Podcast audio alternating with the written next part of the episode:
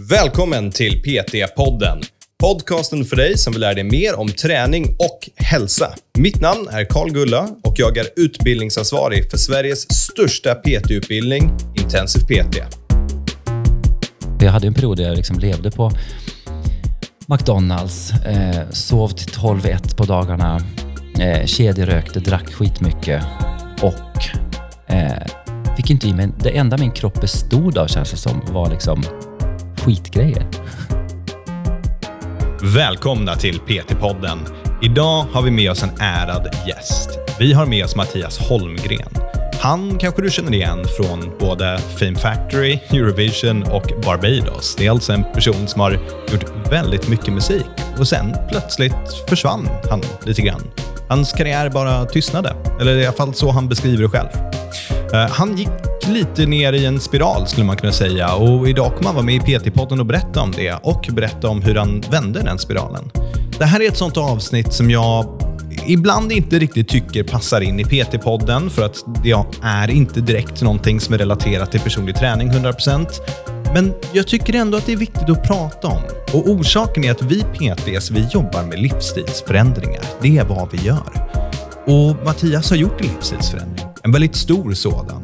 Och Han kommer berätta hur han har gjort det, bland annat. då. Och Vi behöver påminnas om att det inte alltid är så överdrivet lätt. Och Oavsett om man vill gå ner 5 kilo eller gå upp 5 kilo så finns det flera olika aspekter därtill. Så jag hoppas ni tycker det här är ett roligt avsnitt. Varsågoda. Så du var sångare i Barbados. Jajamän. Häftigt. Hur var det? Oh, det var, det var väldigt speciellt. Jag var bara med i två år knappt. Ehm, men det var jättelärorikt och det var jättekul på många sätt. Slitigt. Eh, mycket sång, mycket sjungande. Ett dansband eh, som har en sån klassisk dansbandspelning, dansbandspelning på fyra timmar. Då sjunger man ju kanske 50 låtar per kväll. Oh, satan. Det är ganska mycket. Det är många. Och sen några mil i bussen till nästa spelställe.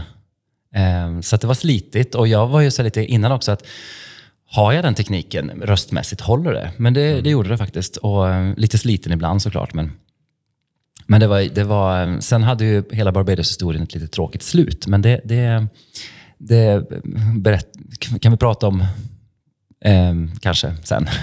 Vi, vi, vi ser hur den går. ja, precis. Du, du hade både det, det är väl en stor del av din karriär, men sen också att du vann Fame Factory, eller hur? Jag vann ju inte, inte Du Fame vann Factory. inte? Nej, Jo, i- i- många, i mitt ja, hjärta det- vann ja, Fame Factory. Gullig. Nej, men eh, i mitt hjärta också. Nej, men jag, var, jag, vann, jag vann nästan kan man säga. Men jag tror att många kanske tror så här nu 20 år senare, det är faktiskt 21 år sedan, att jag vann. För att, för att ehm, det gick ganska bra ett några år. Jag syntes mycket och jag fick ju Barbados liksom som, Mm. eh, plus att jag hade en stor hit. Eh, något som kan hända då i Mm. programmet som låg etta på Svensktoppen och sådär. Jag, jag lyssnade på den innan vi uh, träffades Ja. här. Fantastisk låt. Ja, men den är fin faktiskt. Den har betytt mycket för många. Jag tycker jag sjunger den fortfarande. Och jag, jag, jag tycker det är lika roligt att sjunga den varenda gång faktiskt. Jag läste kommentarer om den. Eh, Och då var liksom folk så här, det är liksom relativt nyligen, 20 år senare, jag kan fortfarande texten utan till. Ja, det är Och det, det kände jag också. Det är jätteroligt verkligen. Så att, ehm, så, ja, men jag tror att många, många kanske trodde att jag vann. Och jag höll på att vinna, för det stod ju till slut i finalen då, som var direktsända finalen vintern 2002, så stod det ju till slut mellan mig och Magnus Bäcklund som vann. Och, och då var det som att de sparade ettan och fyran till slut. Så att jag kom fyra i finalen och han etta. För att det var mer spännande så, liksom, omröstningsmässigt. Liksom. Men du, jag vet inte om det här stämmer, men de säger för liksom Idol och Fame Factory, eller de säger, jag har hört någon säga, att man ska inte vinna. Att Nej, vinna- precis. vinnaren inte får den bästa karriären, Nej. utan det är tvåan, trean, fyran där någonstans. Ja. Så man får inte samma turnéer kanske. Nej, ofta har det varit så tycker jag ändå. Det vet man själv om man kollar på Idol och sådär. Men, men jag vet inte om det stämmer riktigt, för att det är ju många som har vunnit som det har gått bra för också. Men det var ju så ett tag, absolut. Sen så vet jag inte om, om det nu, nu kan inte jag säga att det har gått så jättemycket bättre för mig än Magnus Bäcklund heller egentligen. Den som det gick bäst för egentligen, som det har gått bäst för i vår årskull i Fame Factory, det är Jessica Andersson. Hon, och hon var inte, kom inte ens i final egentligen. Jaså. Men hon är ju en av våra största artister nu. Liksom. Hörru, berätta lite grann om den här härliga tiden när musikkarriären var på väg uppåt. Ja, det var ju underbart faktiskt. Det var ju, eh, så jag var liten har jag alltid älskat att sjunga. och har haft siktet inställt liksom på att sjunga. Det har varit mitt enda intresse. När jag var riktigt liten då ville jag bli hårfrisörska. Mind you, hårfrisörska. Eller eh, fransk eh, lärare. Okej. Lärarinna. Så du vill Nej, inte vara artist sen kids? Utan det var... Ja, men artist, då tänkte jag någonstans även när jag var ung och liten så här att funkar inte det så, så kan jag bli hårfrisörska Frisörska. eller, eller, eller fransklärarinna. Ja, självklart. Ja. Eh, Men, men musik har varit liksom alltid, alltid, alltid. Och i skolan, du vet, och alla, alla möjliga musikklasser och satsningar på det och sådär. Så att ehm, när jag väl slog igenom i Fame Factory, då var jag 28 år. Eh, och det är ju inte jättegammalt, men, men det var ändå, jag var bland de äldre. Så då hade jag kämpat ganska länge och nästan var på väg att ge upp. Och tänkte liksom att, men gud, det, det, det blir ingenting. Jag får nog ge upp det här. Liksom. För att jag hade gjort så mycket, du vet, det var talangjakter och det var Ja. Sikta mot stjärnorna några år innan. Eh, lite olika tv-grejer, musikaler, jag hade sökt olika musikaler. Eh, så sen när det väl hände, och det hände så pass snabbt, för det blev ju en väldigt stor succé för Factory eh, direkt. Och jag fick Barbados ganska snabbt och jag fick en hit ganska snabbt, en svensktoppshit. Så att då levde jag mina drömmar ett tag där. Eh, jag kommer ihåg någon gång när Annika Jankell, som ledde Svensktoppen på den tiden, jag kommer ihåg det så väl hon ringde en gång och då hade jag precis vunnit, jag och Barbados då hade vunnit delfinalen uppe i, i, i Luleå, Melodifestivalen med Bye Bye 2003. Och jag låg samtidigt etta på Svensktoppen och tvåa på försäljningslistan. Häftigt. Eh, och hon ringer och säger, det går bra nu Mattias. Jag kommer ihåg jag hör hennes röst liksom bara, ja det har äntligen betalat sig nu. Liksom. Jag får äntligen hålla på med det här. Jag får ut och spela, sjunga, jag får ta betalt för det. Liksom. Så att det var ju ett drömliv då faktiskt, som jag också njöt av. Ehm, för jag är lite sån att, ehm, eftersom det hände massa saker sen då med liksom utbrändhet och, och in i väggen och allt sånt, så, så när man väl gör någonting som man verkligen älskar, då kan man jobba, jag ska jag säga, kan jobba i stort sett hur mycket som helst. För det var ju jobb ibland dygnet runt. Och det var liksom springa, jag sprang över Gärdet en gång liksom mellan olika tv-inspelningar och radiogrejer och så för att jag skulle hinna allt. Men jag njöt av det. Jag tyckte det var fantastiskt för att jag älskar varenda sekund av det. Ja, säger väl, gör man någonting man älskar så jobbar man inte en dag i sitt liv. Jag, jag tror men inte det är exakt. sant, men, eh, Nej, men, det finns någonting Lite så, där. ja, Liksom. faktiskt. Hur gammal var du när du vann? Eller inte vann, Nej, mitt hjärta vann Fame Factory. Ja, precis. Nej, men jag var ju 28. Mm. Ehm, och då var jag som sagt bland de äldsta. Magnus var ju äldst faktiskt och vann. Ja. Och det var jag, Magnus och Jessica som var de tre äldsta. Liksom. Så vi var lite så här, eh, inte pappafigurer, men liksom, vi var lite så här, vi var ju som sagt i alla fall tio år äldre än många andra. Mm. Så berätta vart vi är i tiden nu. Det här är väl Mm. tidigt 2000? Ja, 2002 är det här. Och sen så har vi Barbados och saker går. Mm. Liksom, du, du har din etta och du är bästsäljande och allting Mm. känns magiskt. I- Är det liksom, sen börjar det gå lite ner för? Är Ja. det som att en lampa bara släcks eller var det som att en ballong som börjar pysa ut luft? Ja, det, det, det, det var säkert inte så. Det, det skedde säkert mer successivt, men det kändes lite så. För att det, jag tyckte det gick ganska snabbt. ehm, för att helt plötsligt, från då att ha varit där uppe liksom på toppen, eller vad man ska säga, eller nosat och varit en, en som det skrevs som på väldigt så här lovande sätt inför framtiden och sådär. Så stod jag helt plötsligt utan skivkontrakt eh, och eh, hade också valt och gå en liten annan väg musikmässigt. När jag gjorde en, en, en skiva med svenska visor 2007. Eh, och då hade jag gjort en schlagerskiva 2005. För jag gjorde Mello, eh, Melodifestivalen själv också 2005 efter Barbados. Eh, så att jag valde det väl till viss del själv kan man väl säga. Men, men det gick också snabbt. Och det var lite, känslan i mig var som att från en dag till en annan så vände en hel bransch en ryggen. För att helt plötsligt var man helt kall. Man var inte aktuell för någonting. Liksom. Eh, så var känslan. Och du, det här upplevde du då var för att du bytte musik? Ja, delvis det. Och sen att, man, att det går väldigt snabbt i branschen. Alltså Det kommer nya hela tiden. Då kom Idol. Eh, Idol kom ju på svensk tv ett år ungefär efter, eller två år efter Fame Factory. Och man märkte också att, ja men gud, det är inte så, så... Jag är inte så safe i den här branschen bara för att jag haft en hit och sjungit i ett, an- i ett stort dansband. Utan eh, det är klart jag visste att man var tvungen att kämpa, självklart. Men, men just att det gick så snabbt. Helt plötsligt var det massor med nya personer som var både snyggare och yngre och hade stora skivkontrakt. Och, och jag bara föll bort väldigt snabbt. Liksom. Ehm, Och, och det här ledde då till, eller i samband med det här så kom de här missbruken då? Det, det, det här ja. livet som kanske inte var lika kul att leva. Nej, precis. Um, det blev, jag brukar säga det ibland när jag är ute och pratar om, om mitt liv och sådär, eh, att eh, det var som att kurvorna möttes. Liksom. Mm. Eh, ju sämre karriären gick, desto mer började jag dricka. Mm. För, för mitt missbruk, då, om vi ska prata om det, det var ju mest alkohol. Sen blev det mer och mer droger också, men, men det var framförallt alkohol. Och det var också en, en sån här... Eh, ja, I början var det mycket festande, liksom, för att musikbranschen är ju väldigt tillåtande. Det är ofta gratis sprit, det är ofta Eh, när jag var ute på vissa spelningar så är ju inte första frågan är ju inte oftast när man vill göra soundcheck, utan första frågan är när man vill ha sin drinkbiljett. Mm. Eller vad man vill dricka till maten. Liksom. Ja, självklart. Det är jättevanligt. Och jag vet många DJs, jag säger inte alla, men många DJs, för jag har ju jobbat mycket som DJ också nämligen, eh, spelar ju liksom, och dricker samtidigt. Mm. Eh, det kan man tycka vad man vill om, men och det har jag också gjort. Men jag tror att när det var så mycket som, som gick så snabbt och det var så mycket tillgång till eh, alkohol och, och, jag levde ju ett sånt liv också så att jag kunde ju i princip vara bakis varje dag. Jag skulle inte upp på något viktigt dagen efter, allt som oftast. Mm. Eh, det var mycket, som sagt, lättillgängligt och gratis. Och har man då den här missbruksgenen som, som jag då inte riktigt vet om man har, men, men eh, jag har ju mycket missbruk och mycket drickande bak i släkten och så. Eh, och är också en ganska ganska skör person med ganska dålig självkänsla ofta. Då är det lätt att man tar till det där. Och, och även om det då är fest i början, för det var det för mig. Det, var liksom, jag var ju, mm. det stod ju fest i pannan på mig. Liksom. Nu kommer Mattias, nu är det klackarna i taket. Liksom. Ja. Så att i början drack jag ju inte för att liksom döva sorger och sådär, utan det, det, det kilades ihop på något sätt.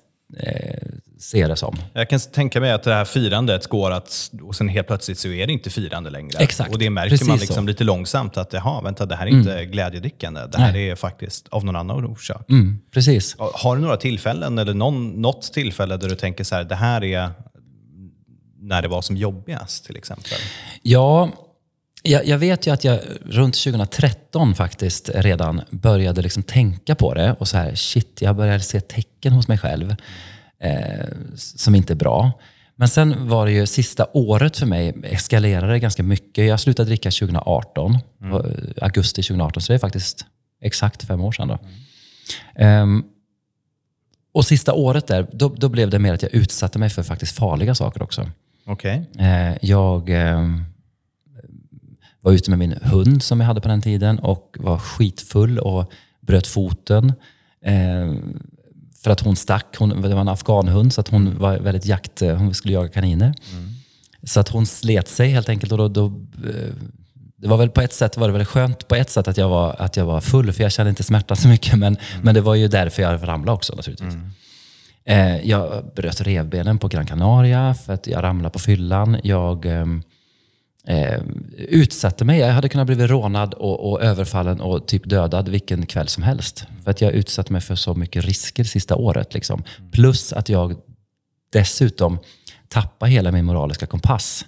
Eh, från att bara ha druckit lite så här kul och haft kul fester. Och, och visst tänka så här, ja, jag blev för full igår. Ja, ja, men det, så tänker ju man lätt. Liksom. Mm. Eh, så blev det ju så att jag, jag började bli mycket mer um, liberal med droger och så. Så att jag har ju köpt liksom, du vet, droger från taxichaufför, svart taxichaufförer och sprungit ut på Sveavägen och tagit ut pengar för att betala kokain och grejer. Alltså det är helt sjukt, tycker jag, helt sjuka grejer. Mm. Eh, och som också är livs... Eh, alltså jag hade kunnat ta en överdos hur lätt som helst. För jag vet inte vad jag drog i mig för skit på vissa fester, efterfester och sådär. Så, så det var sista ur ganska Det spårade ur ganska rejält och speciellt sista året. Och det har jag ingen direkt förklaring till egentligen. Men men, eh, för jag hade innan sista året hade jag börjat liksom, även det tycker jag kedjas ihop på något sätt. För det är ju inte svart eller vitt och det är inte som från en dag till en annan. Utan saker hänger ihop. Mm. Eh, så att jag börjar de här, om vi säger då åren 2013 till 2018 kan vi säga då. Då hände det mycket med mig. Eh, både i huvudet, att jag började tänka mer på det. Mm. Och jag började försöka få det till hjälp på olika ställen och sådär. Och jag börjar också tänka på vad jag utsätter min kropp för. Så att jag börjar träna lite mer, jag börjar tänka på vad jag äter och börjar må bättre också i perioder. Och, och, Det här är ju vad jag vill prata med dig om. För det här är ju, den andra historien där som vi precis har hört, det är ju... Mm. Solskenshistorien. Ja, precis. Mm. Jag menar, den, behövs ju för att förstå kontrasten. Men mm. det, det, vi prat, vill prata om här i PT-podden, det är ju den här förändringen. För det är Ja. det det här handlar om. Precis. Fanns det något liksom ögonblick som var typ en katalysator, någonting sånt? Som var så här, nu måste jag fixa det här. Ja, det var, det var egentligen, skulle jag faktiskt kunna säga, sista kvällen som jag var full i mitt liv hittills. För, för som, som eh, missbruksperson och alkis så, så jag tänker ju aldrig mer. Men, men jag vet också att, att eh, man är svag ibland som människa och man, man, eh, det är en sjukdom. Liksom. Ehm, Men, men ja, sista gången då hittills så det var ju en stor, det, det jag verkligen hade ett vägval kändes det som. För då eh, levde jag i en relation eh, senaste, sista året där som var ganska jobbig, ganska tuff för mig. Ganska destruktiv eh, och jag mådde inget bra. Och eh, när vi då gjorde slut en måndagkväll kommer jag ihåg. Jag var ju förberedd på det och jag tyckte väl att det var det bästa men jag var ändå ledsen såklart för jag, jag ville ändå satsa ett tag till på den relationen då, var jag, då hade jag hållit på också några år ju, eh, och sökt hjälp och försöka dricka normalt och gå på olika KBT-grejer och olika, eh, allt ifrån akupunktur till olika liksom, samtal. Eh, då kände jag liksom att okej, nu, nu måste jag, nu har jag nog kommit dit. Eh, och det, det kändes ganska självklart på något sätt. Så jag söp mig skitfull den kvällen och eh, träffade någon kille på kvällen som jag köpte knark av. Och vaknade dagen efter och bara, jag kände så starkt i hela kroppen liksom, att nu ska inte jag dricka något mer. Och, och då hade jag varit på väg ett tag ändå faktiskt. Så det var inte ett plötsligt ögonblick, utan det byggdes upp. Men det, byggdes fanns upp. ändå någonting där som sa nu räcker det. Så visste Ja. du det när du gick in på den här kvällen? Nu räcker det. Jag visste det framför allt på morgonen efter. Ja. Vad var, och det här är liksom det som är intressant nu Mm. här. Vad gjorde du? För det är många människor kanske som lyssnar på det här som möjligen inte har lika extrem bakgrund, men Mm. har någonting de vill förändra. Och det som jag tycker är häftigt, det är folk som faktiskt lyckas förändra saker. Mm. För det, det är svårt. Så berätta om den här vägen du gick. Vad var Mm. det första du gjorde för, när du insåg att du behövde göra den här förändringen då, dagen Mm. därefter i en positiv bemärkelse? Det, det första jag gjorde, liksom, även åren innan det, det var ju faktiskt det som jag tycker är viktigt att poängtera också. Det är att det finns, om man har då missbruks, eh, någon i ens närhet eller om man själv vet att man kanske håller på med någonting som inte är så bra för en. Eh, det är ju att våga söka hjälp. Det är det första, första och främsta, liksom, tycker jag. Att man har antingen någon god vän eh, som man kan vara helt öppen med, eller faktiskt ringa det där samtalet till eh, vårdcentralen eller någon eh, AA eller någon, någon eh, klinik av något slag eller någon mottagning. Liksom. Det är det första. Men sen så, jag var så himla bestämd, för jag visste ju någonstans, jag är ju ingen korkad person på det sättet. Jag visste ju också att men, jag hade kommit så långt ifrån mig själv. I och med det här med min moraliska syn på saker och ting och, och kompassen som vi pratar om mycket i olika tolvstegsprogram och så. Att vad fan håller jag på med? Jag var så trött på mig själv också. Ehm, jag hatar mig själv när jag satt på balkongen, kommer jag ihåg, och kedjerökte och drack mig så jävla full själv. Och kollade på någon här idiotisk klipp med, med någon artist som jag älskar, du vet, och bara kändes starkt i mig själv. Så här, men gud, jag kände mig så patetisk. Liksom. Eh, så att jag tror att för mig var det så att jag var tvungen att hamna där. Och, och verkligen, det sista året som var hemskt för mig var också väldigt viktigt tror jag. Ehm, men sen det be om hjälp, ha folk omkring sig som är verkligen som eh, stöttande och som förstår, och som man är, att man är ärlig också.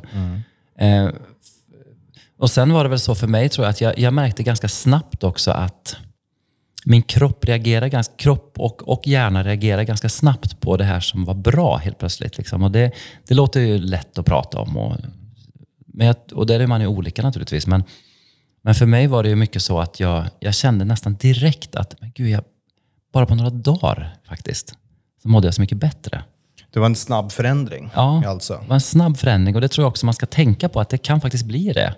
Våga testa för att det kan gå. Det gick ju snabbt tills jag började sova mycket bättre till exempel-.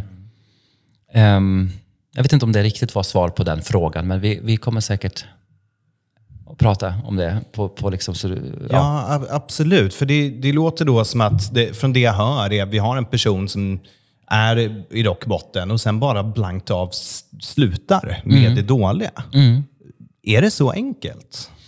Nej, men jag tror inte att det är det. Utan jag tror ju att man måste... Jag hade ju förberett mig så mycket ändå.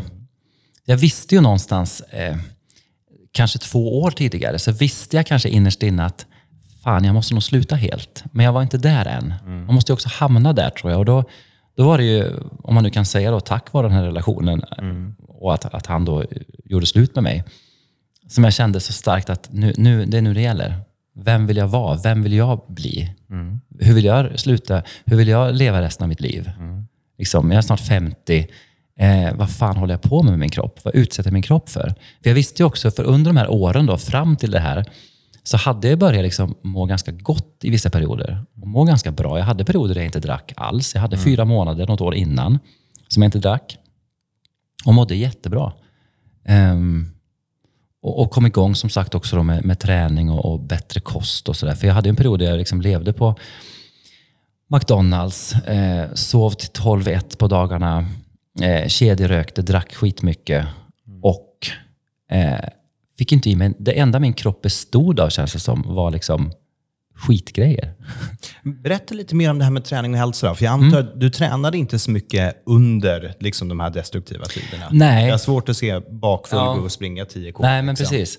Det, det, var perioder kan jag säga. Perioder även innan, för ja. nu pratar kanske 20 år sedan, då hade ja. jag lite perioder där och även där kände jag att jag mår bra av det här. Men, men så är det så lätt att bara skita i det för att man har mycket jobb eller man har alltid någonting att skylla på. Mm. Um, men sen så då under den här relationen som, som jag nämner, så vi gjorde ganska mycket sånt ihop. Vi pratade ganska mycket om sånt. Vi, vi pratade om, om det här med kost och jag började läsa böcker som jag tyckte var väldigt inspirerande. Liksom. Um, allt ifrån eh, eh, Maria Borelius eh, eh, Hälsorevolutionen till Anders Hansens Järnstark mm. om det här med, med, med, träning och kost. Och så jag började, började liksom intressera mig för det väldigt mycket.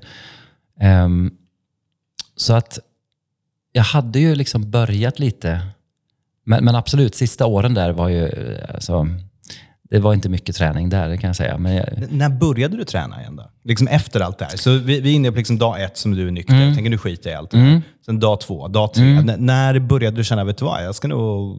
Jag vet inte vad du gjorde för träning, om du sprang nej, men det var, eller vad du gjorde. Liksom. Nej, men det liksom. var nästan direkt, för då hade jag ju kommit igång lite också innan. Mm. Så att jag, jag var ju på gång. Liksom. Um, men då började jag direkt och då hade jag något kort på något gym i närheten där jag bodde, precis nedanför min lägenhet. Så det var enkelt. Mm. För Det är också en fördel att det ligger nära och att det är enkelt. Så att, och så gjorde jag ganska mycket, jag jobbade ganska mycket på båtar på den tiden också, på så här, kryssningsfartyg. Mm. Där jag sjöng och underhöll. Och där det, finns det också gym.